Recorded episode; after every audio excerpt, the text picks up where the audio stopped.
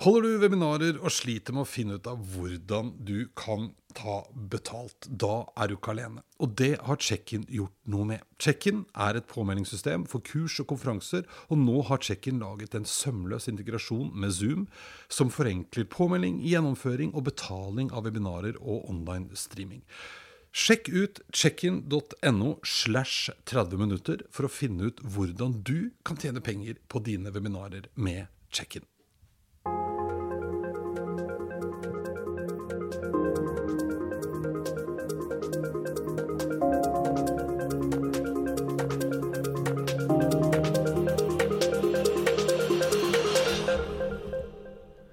Dagens gjest sto på startstreken i Vaseloppet for noen år siden. Det var da første gang han hadde ordentlig ski på beina på snø. Han heter Josh Stinton, og han har de siste årene hatt som mål å gjennomføre ekstreme aktiviteter han aldri har gjort tidligere.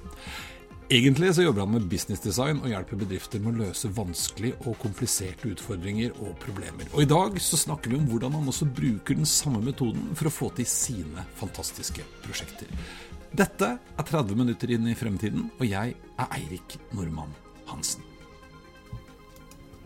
Hi, Josh. Hello. Well, welcome to me. Thank you very much for having me. Eirik. yes, so excited. I, I mean, uh, we met a few times. We have done. Yeah, I think the first time was last year. it was, maybe it was year before. about two, Two years, years ago. ago, I think actually here in Oslo. Yeah, That's right. Uh, and you did a talk. I did do a Uh, talk. yeah, yeah, and that's why Yeah. I was interested because I, in my mind, you're a guy that make strange things happen and complicated things happen. That's yeah. That's a that's a, a title and awareness I'm very happy to own, especially from you. actually, well, thank on. you, thank you. But but and, and we will talk more about that. But Yep. but first, uh, you kind of you came from you're originally from Denver, Colorado, That's right. and Yep. then ended up in Australia Yeah, working for a huge consultancy. yeah. I was I was one of the big four folks there. Yeah? bouncing back and forth between a, a couple firms. I, I traded. So I'm originally a Colorado boy, but I traded the mountains for. I had this like fantasy view of beaches and uh, tropical life in Australia. So I, I shifted on, uh, studied there. So I did a bachelor's and master's there, and ended up. I was going to be there for three years. Ended up being there for twelve. Ooh. So that's why my accent is as confusing as it is. Uh, That's okay. Yeah, exactly. Mine's probably worse. So that's okay. Yeah, But, but yeah, but but so, so then you did business design. That was your right. thing. That's right. Yeah, and and I have been in that world for over eight, going on nine years now, actually. So it's you're still doing still, still doing that. still in yeah. that world. So it's basically how to help organizations and teams solve complex problems. Hmm. So basically using modeling, even from things in the world around us and business cases, etc., to help uh, people be, be able to identify with various levers of motivation and why they do what they do, and helping them solve issues from people and culture initiatives. I mean, you name it. Hmm. Business modeling helps in that. And uh, yeah, now it's focusing on sustainability here in the Nordics, and, and it's been a lot of fun. Fun, yeah, yeah. And then you, I mean, no, and then you met a guy, was it, or a woman? I, or I- I did do in my a, a, a good, bar. a good friend of mine, Oscar Head, Yeah. uh, from Gothenburg. In, Yeah. in a, we we went and we we're, we've been buddies for a number of years, Mm. but we had a, a a pizza dinner that would change my life. Please tell. Yeah, So so in this conversation, so my my background is uh, not sporty at all, right? I actually am very clear on this because it uh, when we start talking about the adventures and the challenges, I just put it out there. It's I was the guy at my freshman year in high school in in, in the U.S. So it was American football. I joined this team. And halfway through the season, my coach said, "You know, we've had a conversation, and we think you would be better as a cameraman than on the team," which was uh, incredibly emasculating for a 14-year-old boy to hear.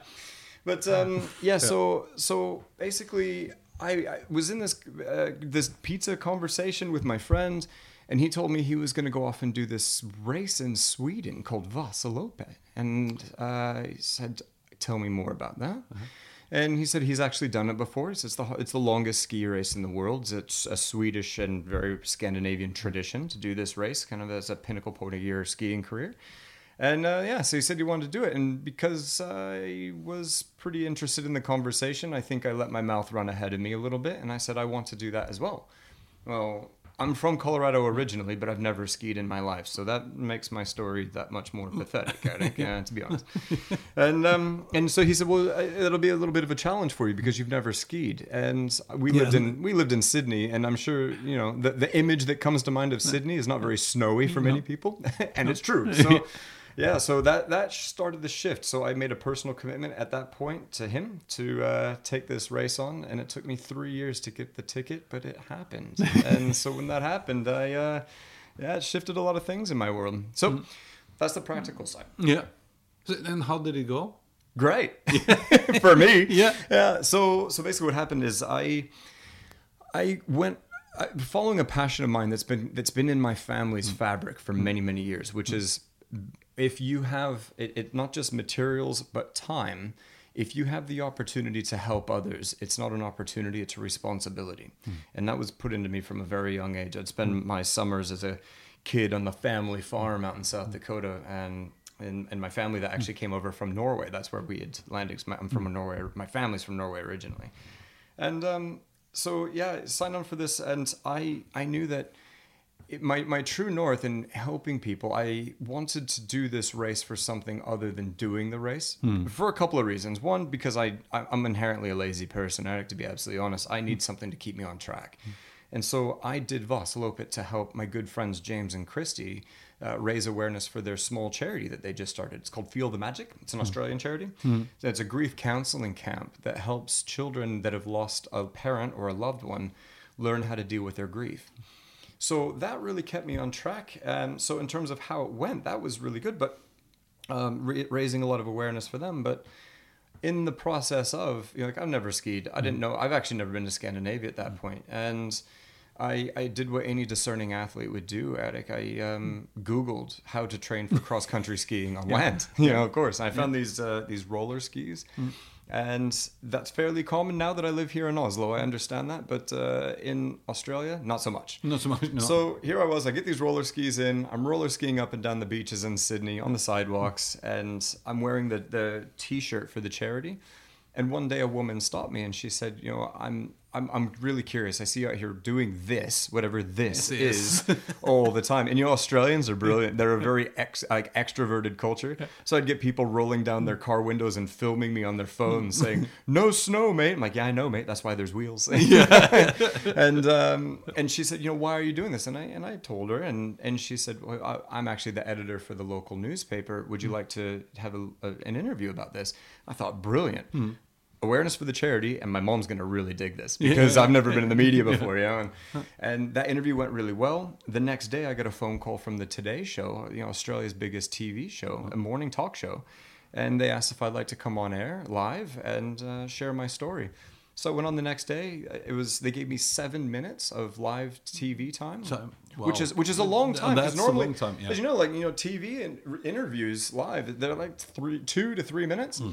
Gave me seven minutes to talk about it. Had me bring the roller skis on and actually set them on the desk, so those were in the in the picture. I had no idea that actually in the um, in the interview below my face they put the print "snow joke," and I had no idea. There's like two million people, People watching this thing, and, and they'd seen that. But that interview made its way back to the Norwegian Olympic team, who then reached out and actually offered to sponsor me. So even though I've never skied in my entire life, including up until the day of the race, so seven o'clock in the morning, minus 17 degrees in Sälen, Sweden. I met the Norwegian Olympic team. I'm in the Norwegian Olympic ski suit. Thankfully, they waxed my skis for me because I had no idea I even needed to do, that. And uh, yeah, so the so at the start gun for Vasaloppet, the first time I ever pushed off on skis in my life. Yeah. Which uh, I learned. You learn a lot about yourself in those yeah, environments. I imagine. I imagine. Is it? Can I ask how how long time did you? Hundred percent. So, so I I knew um, very well that I had to do the race within the thirteen hour time frame. Yeah. Because then they bring out the dreaded rope. Yeah, right? And then yeah. that once you see the rope, then your race is done. So I was afraid of this rope the whole time I was training, but uh, I'm happy to say that I completed. I crossed the line. It was eleven hours, eight minutes, and fifty eight seconds. That's impressive. That's very impressive. thank you. Yeah, yeah. And especially my first time uh, skiing. But the, the race organizer said that I'd set a, a record for them. So I'm the first person in the race's history to finish Vasaloppet without ever having skied before. Yeah. So that was my first world record. So Yeah, but it was brilliant. So I mean, off the back of that, there was more TV interviews, more radio, and all the time raising awareness for Feel the Magic. Mm-hmm. Over 500 families signed up for that grief counseling camp that didn't know existed before.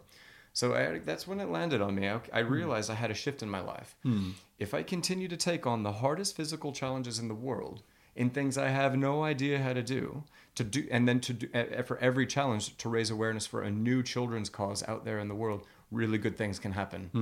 So now I'm currently in the design of my sixth challenge. About five, six years later on now, I've got you- five challenges under my belt and three world records so far. So Cool. Yeah. Because this kind of became the thing. this is the thing. Yeah. yeah. And and and, and so making things happen, having a crazy idea. Yep. And then kind of going for it. So so you find a so this is there's a different charity all the time. Every single time it's a new children's charity. And for me, that's just a personal passion. Yeah, Because yeah. because I've had the fortune to meet a lot of kids along the way. Hmm. I learned so much from every children's cause that I work with. So for me personally, it's it's it's a children's charity. I don't have children myself. I'm putting that energy Hmm. into the children's charities maybe one day. But for now, it's it's kids charities for me. Cool. Yeah. So so uh, but but what was the next thing you so, did? so the next thing, I uh, I came back and I remember, and actually there was a pretty big low. You know, I'm very transparent and real in this. I I came back from Sweden and I was on an all time high, man. Hmm. Like because I'd done Vasaloppet, the thing that I've been tra- tracking to do for years. It took me three years to get a ticket. Hmm. You know, sixteen thousand people do the race and it sells out in eighty seconds. It was hmm. hard to get. So then I came back from uh, Sweden, back in Australia. It's like, yeah, this is done. I felt on top of the world. I went to the gym, and my trainer that I was working with, I, I remember I landed on a Thursday. I went to the gym on a Saturday, and the guy, and his name's Jason, lovely guy, and he came up and he said, "Okay, you're no longer a skier. What do you train now?" that was hard to hear. And I remember I I just I, I felt quite low and I thought, wow, geez, I you know, I, I wanted to continue on with this. I, I didn't want that to be the only thing. And again, going back to the kind of the family motto, like if mm. you can help, it's not an opportunity, it's a responsibility. Well, I was just on the scan for what was next, and and I. I, I knew some guys that were associated with TED because I used to do some volunteer work for TEDx Sydney in Australia. And one of these guys came to visit in Australia or in Sydney, and he said, um, You know, I've been hearing about this sport out of New York, or no, out of Canada called mountain unicycling. So you take, you know, one wheel, kind of like in a circus, but Yeah. down a mountain. And uh, I instantly told him to put his beer down because I thought he had too much. yeah. And and so I just kind of took a note of that. And I was in a dinner conversation shortly after that with some friends, and someone else asked me like, "What's the next challenge?" And I said, "Well, I've been hearing about this thing called mountain unicycling out of uh-huh. Canada." Uh-huh. And a guy at the end of the table, I hadn't met him before. Now he's a very good friend. His eyes got massive, and he uh-huh. said, "How did you hear about mountain unicycling?" I was like, like I'd stepped into a cult or something. I was like, oh, I I just heard through a friend. And he said, one second. He goes into another room of the house. It was at his house. Goes into another room of the house. Comes out. He's changed shirts. On his shirt it says NBUC, and he's got a mountain unicycle in his hand. I thought, what is this? And he said, NBUC. It's the Northern Beaches Unicycle Club. He's the president, and he's got a mountain unicycle. And he said, in four months, there's the biggest mountain unicycle race in Spain. We'll train you. You can represent Australia. Are you in? Said, Absolutely. so that was it. So I, I took a, a unicycle down a mountain off road for 14 kilometers in Spain four months after that. So that was challenge number two. Number three was the hardest mountain bike race in the world up in Alta, mm-hmm. which was a big learning for me. It's a 700 kilometer race, by far the most difficult thing I've ever experienced in my life. It mm. was insane. And the reason, and that's a learning for mm. me, the reason I it was so difficult is because I wasn't afraid of it. Because I've done the first two challenges and I kind of felt like Superman in a way, Yeah, you know, and yeah. um, and I let my ego get ahead of me, and I wasn't afraid of it. I didn't research it as much as I should have, and uh, I learned that it, because it was the hardest bike race, they started the race at six o'clock at night, and as you're cycling through, like you've got to haul your bike up of up glaciers. We climbed thirty nine or thirty six hundred meters worth of mountains, and the and it was just nonstop cycling for thirty nine hours. I made it to the third checkpoint, and I realized I, and I was told I was over time by a couple of hours, and so I disqualified. So I didn't finish that race. Okay. Yeah. Um, however, the, the the charity that I was supporting at the time did a lot of work and, and helped raise enough funds where we saved a little girl's life in a refugee camp in Lebanon. So tell me that the the job wasn't done. Done, no. You know, Uh. so That was great. Then the fourth one uh, was I wanted to be the first person in the world to cross the entire length of Japan using only my arms. So Yeah, I remember. yeah, That. yeah. so I, I got this uh, this this hand cycle, and it was the first time I'd ever actually been on a hand cycle. But put this hand cycle together in the very southernmost part of Japan, so across the three islands. I was down in Kyushu. Assembled the hand cycle down there. It took me 22 days, and I hand cycled along uh, Kyushu, Honshu, and then Hokkaido, and I, I hand cycled all the way to the far north of Japan. Wow. It was 2,112 kilometers. Took me uh, 22 days. And that was uh, as intense as you can That's- imagine. and that was to help f- children and families in Japan that have been affected by the many natural disasters. A lot of people yeah. don't realize there's over 150 earthquakes every year. Every year, yeah. And so those families are constantly in a state of disarray. yeah. So, yeah. And then uh, for the fifth one, which was last year, yeah. I was, was cycling across the Atlantic, Atlantic Ocean. Ocean, yeah. so yeah, I, I bicycled. I started um, in in Gran Canaria and ended up in Saint Lucia. So I um, cycled the first person in the in in the world to bicycle across the Atlantic. So yeah, I, I basically I, I gave a talk down in Mexico, and in the audience, these guys said that they were going to charter a ship and do be a part of the ARC, this Atlantic this uh, yacht rally crossing. yeah, yeah, yeah. And um, and so basically, what we did we worked with these uh, these engineers in the south of England in Lymington, and they built a gimbal mechanism. It had never been built before. I was told it wasn't you, you couldn't do it, but uh, but with the help of these incredibly smart and lovely guys. Uh, we built this so it's kind of like a, a hammock uh, in a way. So no matter what the boat did underneath me the bike stayed still. And i had to cycle i was i was set up to a resistance mechanism that was counting the the kilometers every single day uh, in total. And uh, and so I had to cycle more kilometers per day than the boat sailed for me to officially have beat the boat and, and cycled yeah. across the ocean. So the boat sailed, I think it was just over five thousand eight hundred kilometers, and I cycled six thousand four hundred and thirty four kilometers in thirteen days, and I beat it. So yeah, Amazing. And here we are. Yeah, and here And we here are. we are, Yeah, and but- now new plans, but we can talk about that But another yeah, time. Yeah. they, they say you know there's uh, you, you realize when you made a lot of life decisions that have brought you to sitting in the seat you are, and I'm it's I'm honored to be sitting here across from you, my friend, in your Yeah. beautiful place. So Thank you, Here thank we you. are. I, I, I was wondering if this was going to be a comedy show, knowing my story. If you wanted me on for a bit of a laugh, Oh, that's good. But I think that the amazing thing, I mean, the amazing thing here is, of course, that you actually pull these things through. yeah, Uh, and you now talked about kind of needing something to keeping you going. That mo- motivational thing. Yeah. Children charities. Yeah. But that's one thing. Yeah. A lot of this stuff here is, I mean, people will probably say that you're lucky that it Ah. worked out. You, uh, but but you, I mean, this is huge projects. Yeah. One thing is that you're training for something that no one else has done before, but you have to mean, I mean, you have to fix this boat. You have to. Uh, Sure. so, so so this is a project. Yeah. And this is where you use kind of the, the things that you learn, the, the things that you work with. A hundred percent. There's a lot of design modeling that comes into it, and you know it's it's interesting, and and I say this a bit delicately, but I think it's really difficult to be, especially as a presenter or, mm. or or someone that's in in the media or sharing your story. It's difficult to say, well, just find your passion, find your purpose, hmm. and then go out and do that thing. Hmm. It's almost as if there's there's a place in the world where you can go get purpose hmm. and then bring your purpose back and set your purpose on your desk. Like, Yeah. sweet, I've got purpose now. Yeah. And and for me, I've learned that purpose and, and motivation is a byproduct of action. And in order to kick these projects off right, uh, the the first thing that I've learned is I've got to be really clear and resolute on my vision.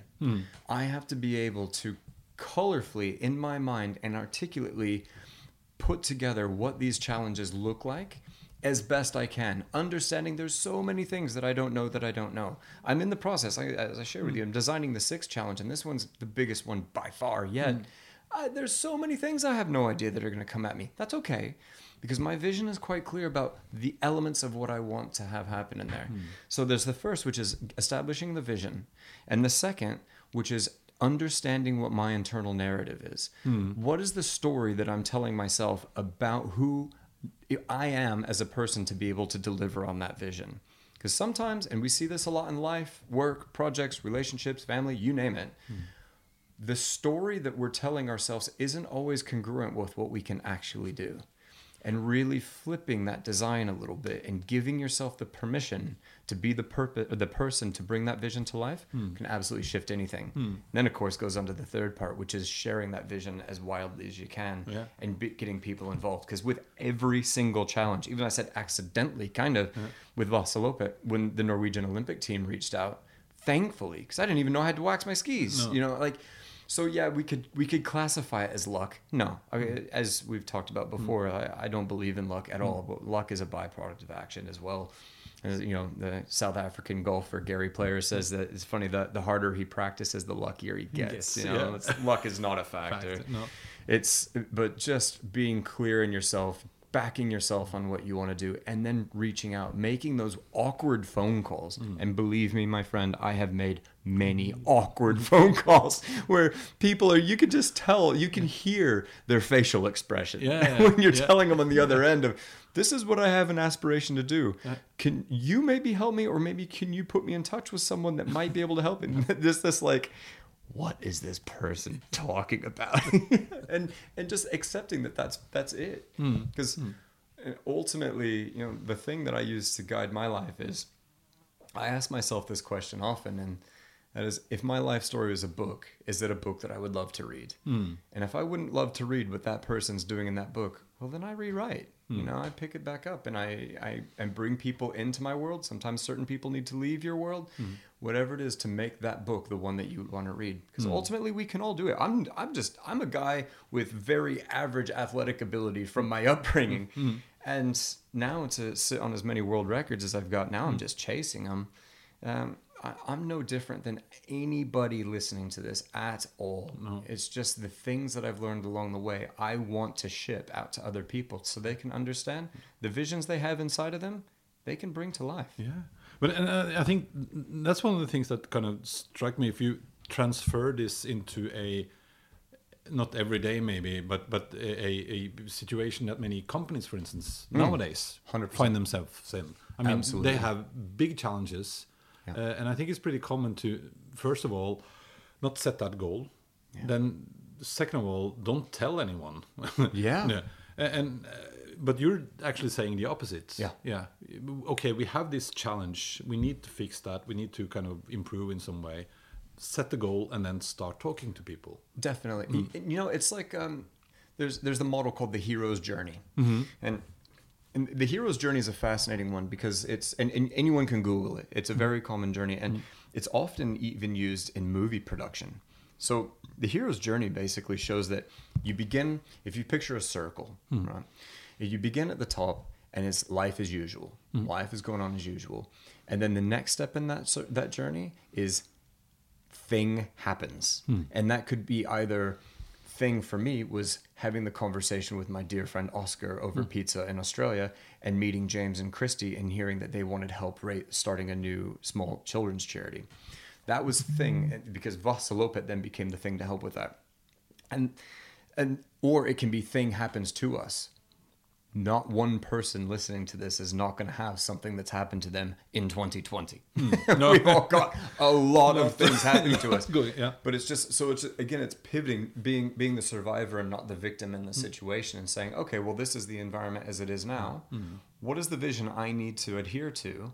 That's going to take me to the next part of the story that I'd love to read. That could be my career story, my personal story, whatever. Mm. And then giving yourself the permission mm. to be the person to write that. Mm. And that's the thing as well. When you do start writing that story, as we know in our worlds, you're going to get feed pushback. Yeah. You don't always get support. You know, you have a TV interview, and one of the, one thing I learned early on from a dear friend, he's a presenter in Australia. He said, "Don't read the comments. No, no, it no, no. doesn't no, matter. no, no. And but you're gonna get that, and just and you use that. So yeah, adversity, which is also part of the hero's journey, Hmm. adversity, all that fantastic. But as long as you're resolute in your vision and you're clear in your narrative to be that you are the person that's going to bring that to life, doesn't matter. Hmm. Doesn't matter. You'll do whatever Yeah, you want but, to. But anyway, I mean, in, in business life, oftentimes Yeah. Hmm. when you come up with ideas, and, and people think that no, you know what, that's not going to work. Yep. And and you meet a lot of kind of pushback. Yeah. How can you deal with that? And I, I imagine one thing is the comments, but but I mean when you sell in your idea, Yeah. go to someone, hey guys, I would think that I maybe bicycle across the Atlantic Ocean. Yeah. Uh, I mean, already there, a lot of people will say, no, that's not possible. Yeah, yeah, yeah, absolutely. Yeah. Well, and that's and that's the thing. I think, and I hope this doesn't cause too many eye rolls, hmm. but I do and truly believe this. It's you. If you're not getting that type of feedback, then you're not playing at the right level. Hmm. Because if you're really looking to make change, hmm. if you're really looking to build a story that you're gonna like, when our time on Earth is done, and you look back at that, or someone looks back at that and thinks, "Wow, they really pushed. He or she pushed the needle forward quite a bit." They're going to have you're going to get imposter syndrome you're hmm. going to get critics hmm. even in family friends certainly coworkers hmm. you know and it's when you hear that you know you're on the right track for one. So it's to be it's to have a comfort uh, like a comfort that there's a you're in the right space you're having the right level of conversation so embrace that. The other thing is it's it's not to be confrontational about it at all. You know, we can we make a decision whether or not we're going to take on energy. Like I don't have to I don't have to lift that heavy rock to know that's going to be a struggle because it's heavy. I don't need to find out how heavy that rock is. I just don't lift it. just walk away from it. And it's you know, and and it's it's just choosing your battles and being aware of uh, of that, that you will get feedback that will nudge you in the right direction. Sometimes we need tested, but again, also just having a bit of an empathetic view of, okay, maybe. And I've had some confrontational conversations hmm. it- or, or, or comments uh, directed at me hmm. that have actually held, held me had me grow my thinking. Hmm. And so it's it's just about being a little bit um, aware. But if you're, but again, if you're strong in your vision, and this is, you know, you pick, pick almost any adventurer, explorer, startup, actress, musician, you name it. When, when in that journey of theirs, when they're really strong in that vision, it doesn't really matter. Like, you know, all this stuff is going to come in and derail you. Mm. It's not to be argumentative and fight it off, but pick your battles. Hmm. And some people, you're going to lose. Some people are just going to go, oh, but I'll tell you what, and this is why I don't believe in luck. It's those people, when you do what you do, because you can, hmm. when you do what you do, that's when the narrative changes. Hmm. You're no longer crazy, you're lucky. Ah, yeah. oh, you're lucky. Yeah. Oh, yeah, yeah, you're lucky. It's like, well, that's interesting because a year ago I was crazy. Yeah. Yeah, yeah. But but when when you you, you were telling me uh, before we, we started recording that Mm. you I mean the whole kind of concept of, of business design Mm-hmm. is kind of setting that going to the future Mm. and then yeah tell me a little bit more about that Definitely. And this Yeah. is so this is one of the many tools in my business design toolbox I've been trained in over the years. But this model is called backcasting. And in backcasting, we say that uh, because a, as humans, we're wired to look for risks and obstacles because it keeps us safe. That's what that's what we're kind of inherently supposed to do. So when uh, uh, so as an, anal- an analogy, say you and I want to climb a mountain next month. Okay? That's a month away. Normal thinking, we've got to get fit enough to climb the mountain. We've got to get the right gear, time off of our mm, work mm. engagements. We've got to find a mountain. Mm, you know, all these things, all these obstacles come up. But rather, when you're designing a project, and it doesn't have to just be an adventure. You know, I use these adventures as a metaphor for business as well. But you design the thing that you have ahead of you from the end of it. So you put yourself in a future state scenario of success. So in that same analogy, you and I are not thinking of today and the mountains coming at us. Mm. It's a week after we climb the mountain. Mm. We've climbed it, we're back down, and we're on the other side, and we're having lunch a week later talking about all the things that we had to do to make that happen mm-hmm. from a past tense state of success. The, the the the level of thinking shifts. Uh-huh. It ceases to become you can't do that. In business, we often get well, I can't do that because of remuneration targets, so I mm. just can't, or I need resourcing, so I just can't. Well, got it. But if you put yourself in a future state scenario and then look back and ask hmm. yourself these three questions. Hmm. One question What did I have to sacrifice to get to here from back in that point in the past, which is actually today's date? You know? Hmm, so, what did I have to sacrifice? The second is What surprised me along the way?